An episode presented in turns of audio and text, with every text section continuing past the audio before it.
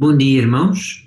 É sempre um prazer estar convosco e poder celebrar a ceia do Senhor, este ato, este memorial que une a todos nós, o corpo de Cristo à volta do mundo, celebrar aquilo que Cristo fez para nós e também é algo que, que nos faz avaliar a nós mesmos e também ouvir uh, as suas palavras avaliar as nossas vidas, ver se de facto corresponde ao exemplo que Cristo nos deu, as instruções que deixou para nós, e neste sentido estamos a seguir o livro O Discípulo Radical, de John Stott, um livro onde ele deixou algumas notas sobre aquilo que significa ser um discípulo de Cristo, de seguir o exemplo dele.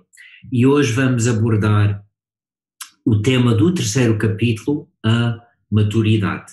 Mas só para recapitular, para garantir que estamos a seguir uh, a linha de, de pensamento, criei uma imagem por capítulo e a primeira característica que o autor nos deixou é que o discípulo de Cristo vive fora do padrão do mundo, o que implica remar contra a maré da cultura, que a nossa cultura tem uma, uma direção, tem uma espécie de, de corrente, e particularmente ao longo das últimas décadas podemos verificar várias leis, várias coisas que entraram em vigor na sociedade que são complexos, que são problemáticos para quem pretende viver valores bíblicos e que nestes aspectos nós temos que ser equipados, temos que estar prontos a remar contra a nossa cultura. Mas também não podemos ser contra tudo e todos. Não foi este o exemplo que Cristo nos deixou. Ele viveu na sociedade dele, foi inconformado com vários aspectos da sua própria sociedade, tal como nós temos que ser. Então, a nossa régua, como medir o que nós devemos, onde nós devemos estar contra a cultura e onde é que nós temos que missionalmente procurar transformar a cultura é a segunda característica, semelhança com Cristo. E aqui nós temos que ver que foi Cristo quem criou este caminho, foi o pioneiro, foi o autor da nossa fé, e o que nós temos que fazer é procurar ser semelhantes a Ele, seguir as pisadas de Cristo. Foi Ele que foi à nossa frente e é procurar seguir o exemplo dele. Naturalmente, isto leva-nos para a terceira característica, que é a maturidade. Crescer na semelhança de Cristo. E há várias árvores uh, à volta do, do mundo que levam muito tempo a ganhar maturidade, mas quando ganham, tornam-se um elemento-chave no ecossistema daquela região. Existem árvores na Califórnia, por exemplo, que os cientistas já conseguiram ver que têm literalmente milhares de anos. Há árvores em várias zonas do mundo que atingiram a maturidade antes de Cristo nascer e que ainda hoje uh, continuam uh, vivos a dar fruto e a contribuir para a vida, para o ecossistema daquela região. Então, nós terminamos a mensagem da semana passada a perguntar: ainda falta contemplar, foi o último slide da semana passada, como colaborar com o Espírito neste processo, neste processo de ficar cada vez semelhantes a Cristo. E vemos que é de facto um processo colaborativo. Uma parte da responsabilidade está conosco, mas não é algo que é meramente um processo humano. Que o Espírito de Deus que habita em nós também tem um papel essencial neste processo. Não é só o nosso poder, não é só a nossa força.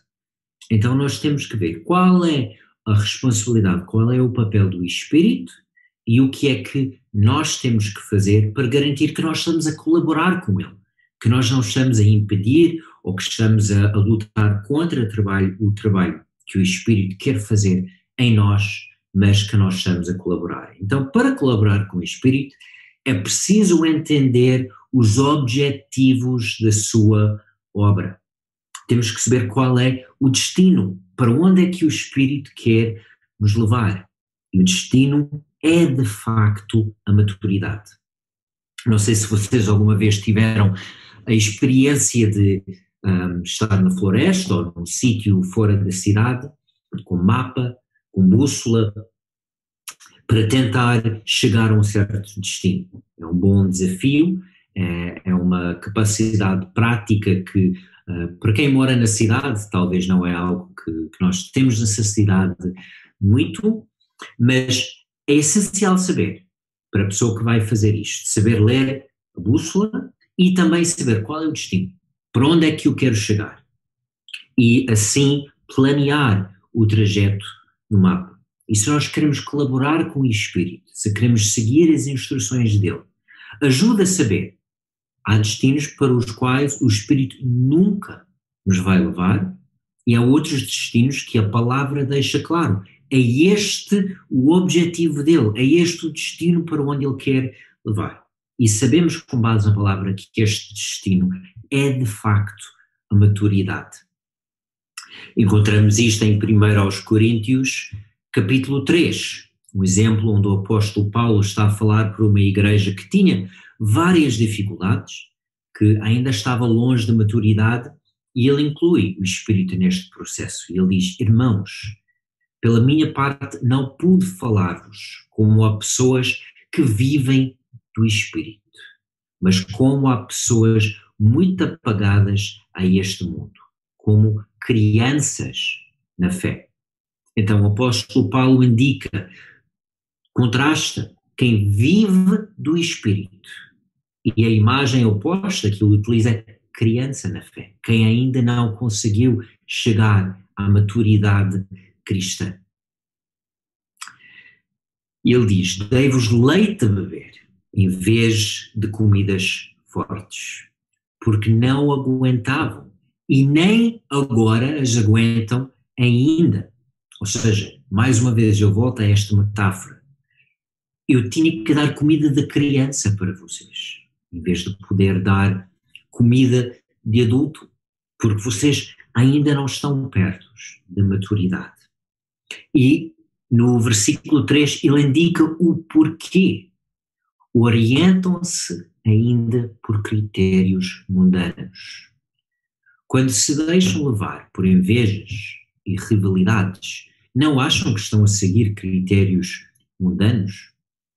Ou seja, Paulo conhece muito bem esta igreja, uma igreja que, em termos de recursos uh, do mundo, em termos de, de dinheiro e, e em termos económicos, foi uma igreja que tinha condições que muitas outras igrejas não tinham, mas que juntamente com esta riqueza, eles tinham muitos problemas de, de natureza espiritual e andavam com muita influência do mundo. E o resultado disto, eles estavam a seguir os critérios do mundo e não os critérios do Espírito. Eles não estavam a colaborar bem com o Espírito. Então, para colaborar com o Espírito, não se pode orientar por critérios mundanos se nós temos, nós não podemos tentar orientar com duas bússolas que contradizem-se. Qualquer pessoa que, que sabe fazer este tipo de orientação na floresta sabe que se há duas bússolas e uma delas por alguma razão perder o, o norte, a melhor coisa que faz é deitar fora e seguir aquilo que indica verdadeiramente o norte, porque senão a pessoa vai ficar confuso vai ficar totalmente perdido. E é por isso que, ao longo da Bíblia, nós encontramos tantos avisos contra amar a riqueza deste mundo, contra os critérios mundanos. Jesus disse: não se pode servir a Deus e mamon, ou seja, servir a riqueza, servir os critérios deste mundo. Então, nós temos que ter muita atenção. A nossa bússola, qual é? Quais são os nossos critérios? E neste capítulo, John Stott levantou um exemplo de um critério mundano que entrou na igreja e que muitas igrejas, muitas pessoas usam como um critério que é o crescimento numérico. E, por um lado, nós queremos ver mais pessoas nas nossas igrejas, afinal, temos uma missão. E ele citou o, o presidente ou líder na, naquela altura do, de uma organização cristã na China, onde eles têm, de facto, muito crescimento numérico.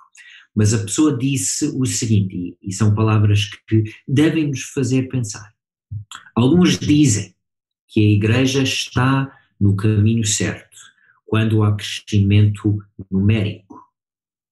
Todos os dias queremos ver pessoas a serem acrescentadas à Igreja. É natural, é algo que é positivo, mas não pode, não pode ser o único fim em si. Pois ele acrescenta, porém, não estamos apenas à procura de números, mas que o aumento numérico corresponda à confirmação da fé da Igreja. E quando ele fala confirmação da fé, acredito que ele está a falar da maturidade, porque a fé, quando nós encontramos o artigo à frente, refere as características essenciais do cristão. Entre elas a maturidade, as doutrinas que são necessárias acreditar, as práticas que são necessárias, aquilo que é necessário para viver a vida cristã com maturidade. Isto deve fazer-nos perguntar: estamos a colaborar com o Espírito? Estamos a ser orientados por critérios bíblicos? E quais são os nossos critérios. O crescimento numérico é um fator importante para a Igreja, mas também temos que ver se as pessoas estão a aumentar na maturidade, se nós estamos a chegar perto, holisticamente, daquilo que biblicamente é apresentado como o nosso alvo, o nosso destino. E sabemos, é para lá que o Espírito está a guiar-nos e onde ele trabalha nas nossas vidas, onde ele convence do pecado, onde ele faz as tarefas dele. O objetivo é tirar de nós aquilo que está a nos impedir de chegar lá. Então, temos que garantir que temos os critérios certos, que estamos a seguir a bússola bíblica e não de cultura ou não de outras influências. E vemos no capítulo anterior primeiro aos Coríntios, capítulo 2. Vemos claramente esta ideia e encontramos uma palavra-chave que o autor John Stott também explicou neste capítulo. Paulo diz: É a minha mensagem, a minha pregação não foi marcada pela persuasão da sabedoria humana, mas pela manifestação do Espírito e do poder de Deus para que a vossa fé não se apoiasse na sabedoria dos homens, mas no poder de Deus. No entanto, aos que já estão amadurecidos na fé, e esta palavra amadurecidos em grego é a palavra teleios, uma palavra que John Stott abordou esta semana. A estes que já atingiram a maturidade na fé, eu posso falar com palavras de sabedoria. Depois ele esclarece palavras de sabedoria não segundo o padrão do mundo, mas segundo o padrão de Deus. E esta palavra teleios, esta palavra que é uma palavra bíblica que descreve a maturidade, é uma palavra muito importante ao longo do Novo Testamento, é uma palavra usada estrategicamente. E podemos resumir, teleios é, uma, é um adjetivo que caracteriza entidades que chegaram à conclusão, que são totalmente realizados e desenvolvidos, uma entidade que alcançou a maturidade e a completude. É esta a ideia desta palavra teleios, deste adjetivo que o apóstolo Paulo usou, que vários outros autores bíblicos usaram, que John Stott explicou neste terceiro capítulo e podemos dizer, teleios significa maturidade. Quem chegou à maturidade? É este o objetivo, é este o destino, É para este sítio, para esta finalidade que o Espírito está a trabalhar nas nossas vidas e que nós devemos colaborar com ele. E que é importante, neste sentido, colocar algumas perguntas a nós mesmos para verificar que nós não estamos a criar com os nossos hábitos, com aquilo que talvez nós façamos no dia a dia sem questionar, se estamos talvez a impedir o trabalho do Espírito, se estamos a impedir o nosso crescimento em direção à maturidade. Então, vamos fechar este tempo de, de refletir na palavra com algumas perguntas práticas para indicar quão distantes ainda estamos do destino de Leos, deste destino de maturidade. E para quem está a planear uma viagem, é importante ter a bússola, ter o mapa e conseguir dizer: Eu estou aqui, o destino é aí e colaborar com o espírito e fazer algumas perguntas. E o próprio autor colocou, e ele indicou várias áreas específicas de maturidade onde nós devemos focar. E uma delas é a maturidade física. Alcancei maturidade física. Isto não quer dizer de chegar a uma certa idade, maturidade física em termos uh, médicos, mas é eu sei lidar com os vários aspectos de vida em termos físicos. Por exemplo, estou a gerir bem a alimentação, o peso, o exercício físico. E neste tempo de, de pandemia, talvez estamos todos a fazer menos atividade física, um, e eu próprio notei uma diferença no meu corpo durante o, o início do confinamento, estava nos Estados Unidos, a comida lá é, é diferente, um, não estava, não tinha muitas oportunidades de, de sair da casa e, de facto, eu tive que fazer ajustes. E a pergunta é: a gestão requer isto, a gestão entram novas circunstâncias e requer respostas. E a pergunta é: nós sabemos fazer esta gestão de saúde física. Sabemos ver o que é que faz bem ao nosso corpo, o que é que faz mal. Ter uma dieta, uma alimentação equilibrada e gerir bem estas questões. Outra pergunta. Estou a cuidar bem do sono e do descanso, que são elementos que, pelo menos na sociedade oriental, nós tendemos a esquecer. Mas o judeu tem um conceito-chave, Shabbat. A ideia do sábado, a ideia do descanso. Deus trabalhou seis dias, mas ao sétimo dia ele descansou. E a pergunta é: nós sabemos trabalhar e ter gosto no trabalho e sabemos descansar. Sabemos desligar das tarefas, sabemos focar em Deus sabemos descansar, sabemos renovar as nossas energias. Ou estamos sempre na correria e na azáfama e na atividade e uma coisa após outra. O descanso também é importante. E eu noto isto, por exemplo, no, nos alunos. Sou professor no Instituto Bíblico e nós trabalhamos para formar obreiros. E nós notamos que quando o aluno não tem o sono em dia, um, que a sua capacidade de absorver, de tirar proveito das aulas e o proveito não é só para a sua vida, é para o ministério. Então, pode ser que não ter o sono em dia prejudica o impacto espiritual, impacta a sua capacidade mental, impacta a gestão emocional. Não sei como é nas vossas vidas, mas quando eu estou cansado, as minhas reações não são tão bem contempladas. Sou muito mais propenso a, a reagir mal emocionalmente ou, ou não pensar tão bem nas coisas. Então, nós podemos, ah, o que é que este do sono tem a ver com a vida espiritual? Pode ter muito a ver. Porque quem não cuida bem da alimentação, não cuida bem do sono, não cuida bem destas áreas básicas da vida, isto pode afetar também outras áreas. Então, a maturidade física é uma área importante para todos nós.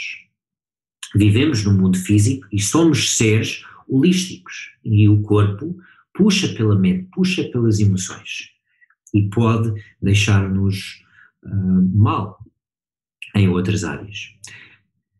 Stott também levantou na área de maturidade física, já temos visto algumas vezes, a capacidade de gerir bem o tempo e as finanças. Também é uma área essencial da nossa vida. Todos nós temos 24 horas por dia. Nenhum supermercado vende mais horas.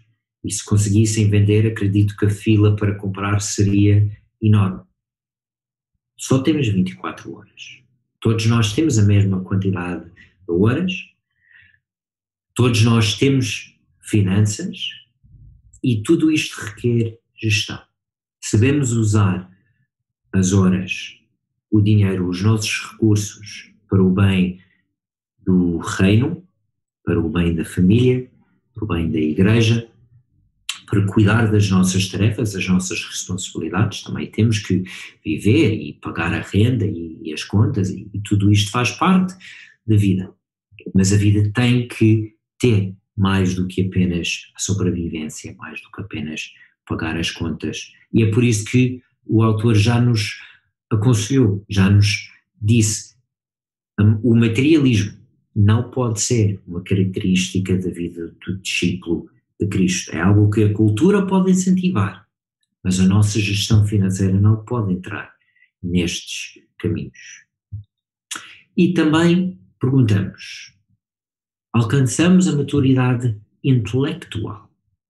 É outra área que o autor destacou neste capítulo. A maturidade física é importante, mas também existem outros tipos de maturidade. Maturidade intelectual é uma delas. E uma pergunta útil, por exemplo: eu conheço a Bíblia e a fé o suficiente para responder às dúvidas sinceras? Se estamos a ter uma conversa com um colega, com um vizinho, com alguém que não frequenta a igreja, às vezes as pessoas colocam perguntas só para provocar. Mas outras vezes eles têm dúvidas sinceras. Perguntas que para eles são um impedimento, é algo que eles não estão a entender sobre o que nós acreditamos ou sobre algo que a Bíblia diz. E nós sabemos responder a estas perguntas? Talvez não sabemos responder naquele minuto, mas também é legítimo dizer: eu não tenho a resposta, mas posso uh, fazer um pouco de pesquisa, eu posso procurar respostas e amanhã ou daqui a dois ou três dias eu posso voltar e podemos voltar a conversar sobre isto. E isto faz parte da maturidade intelectual. Nós sabemos encontrar estas respostas. Nós temos esta capacidade. E é uma capacidade que é importante investir para desenvolver. Outra pergunta levantada pelo autor: eu tenho uma cosmovisão, uma maneira de olhar para o mundo, de entender as coisas, de pensar, de reagir, que dignifica as pessoas e que também dignifica as escrituras. Uma pergunta que é importante sobre a maturidade intelectual. Porque se a nossa cosmovisão constantemente manda as pessoas abaixo, eu acredito que isto não pode ser bíblico, porque o ser humano tem dignidade, foi criado à imagem de Deus. Então temos que garantir que a nossa maneira de ver, de entender as coisas dignifica as pessoas, mas que faz isto sem ferir os princípios bíblicos. E uma última pergunta, muito relevante para a realidade digital do século XXI eu consigo distinguir a verdade das fake news, das notícias falsas, das distorções que andam por aí. E eu digo com muita tristeza. Um, eu sou dos Estados Unidos, tenho muitos amigos lá, muitos amigos evangélicos, E infelizmente, muitos deles são boas pessoas, mas não conseguem fazer esta distinção. E acabam por ser ridicularizados porque e as pessoas até ridicularizam a fé deles, não por causa de assuntos da fé, mas porque as pessoas, no que diz respeito à política, no que diz respeito à medicina e à saúde e várias situações que nós estamos a viver, as, as teorias de as conspirações e muitas outras coisas, eles andam a publicar muitas coisas falsas. E depois, junto destas coisas falsas, publicam coisas de fé. E muitas pessoas de fora dizem: ah, estas pessoas simplesmente não sabem pensar. E deitam fora as coisas da fé, porque estes cristãos, estes irmãos, infelizmente, não chegaram à maturidade intelectual.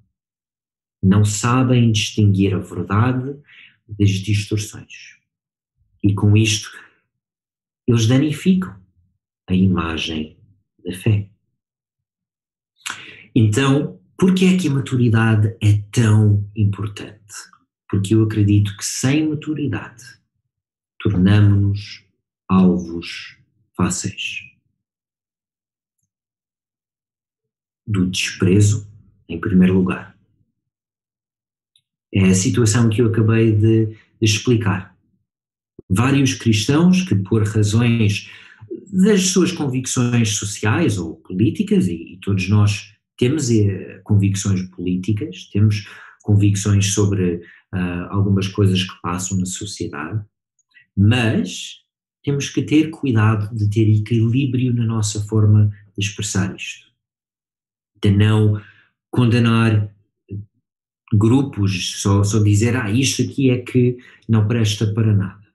Ou de cair nestas notícias falsas, de espalharmos informações que não são verdadeiras, ou que são distorcidas, ou que é apenas meia verdade e não uma verdade completa. Porque quando os outros à nossa volta notam isto, eles vão desprezar isto e com alguma razão.